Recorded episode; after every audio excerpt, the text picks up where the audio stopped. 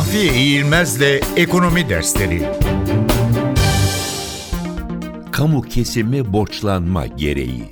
Kamu kesimi borçlanma gereği, kamu kesimi birimlerinin gelir ve giderleri arasında nakit bazında oluşan açığı ifade ediyor.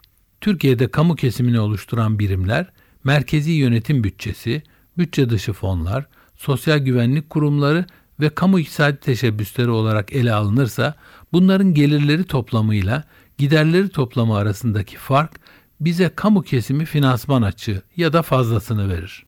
Gider kayıtları bizde tahakkuk esasına göre kaydedildiği için bunların nakit temelinde düzeltilmesi gerekiyor. Çünkü borçlanma gereksinimi nakit ihtiyacına göre doğar. Bu durumda kamu kesimi borçlanma gereği hesaplanırken bütçeye gider yazıldığı halde henüz ödenmemiş olan paralardan oluşan emanetlerle henüz bütçeye gider olarak yazılmamış olan avans ödemelerinde hesaba katılması gerekiyor.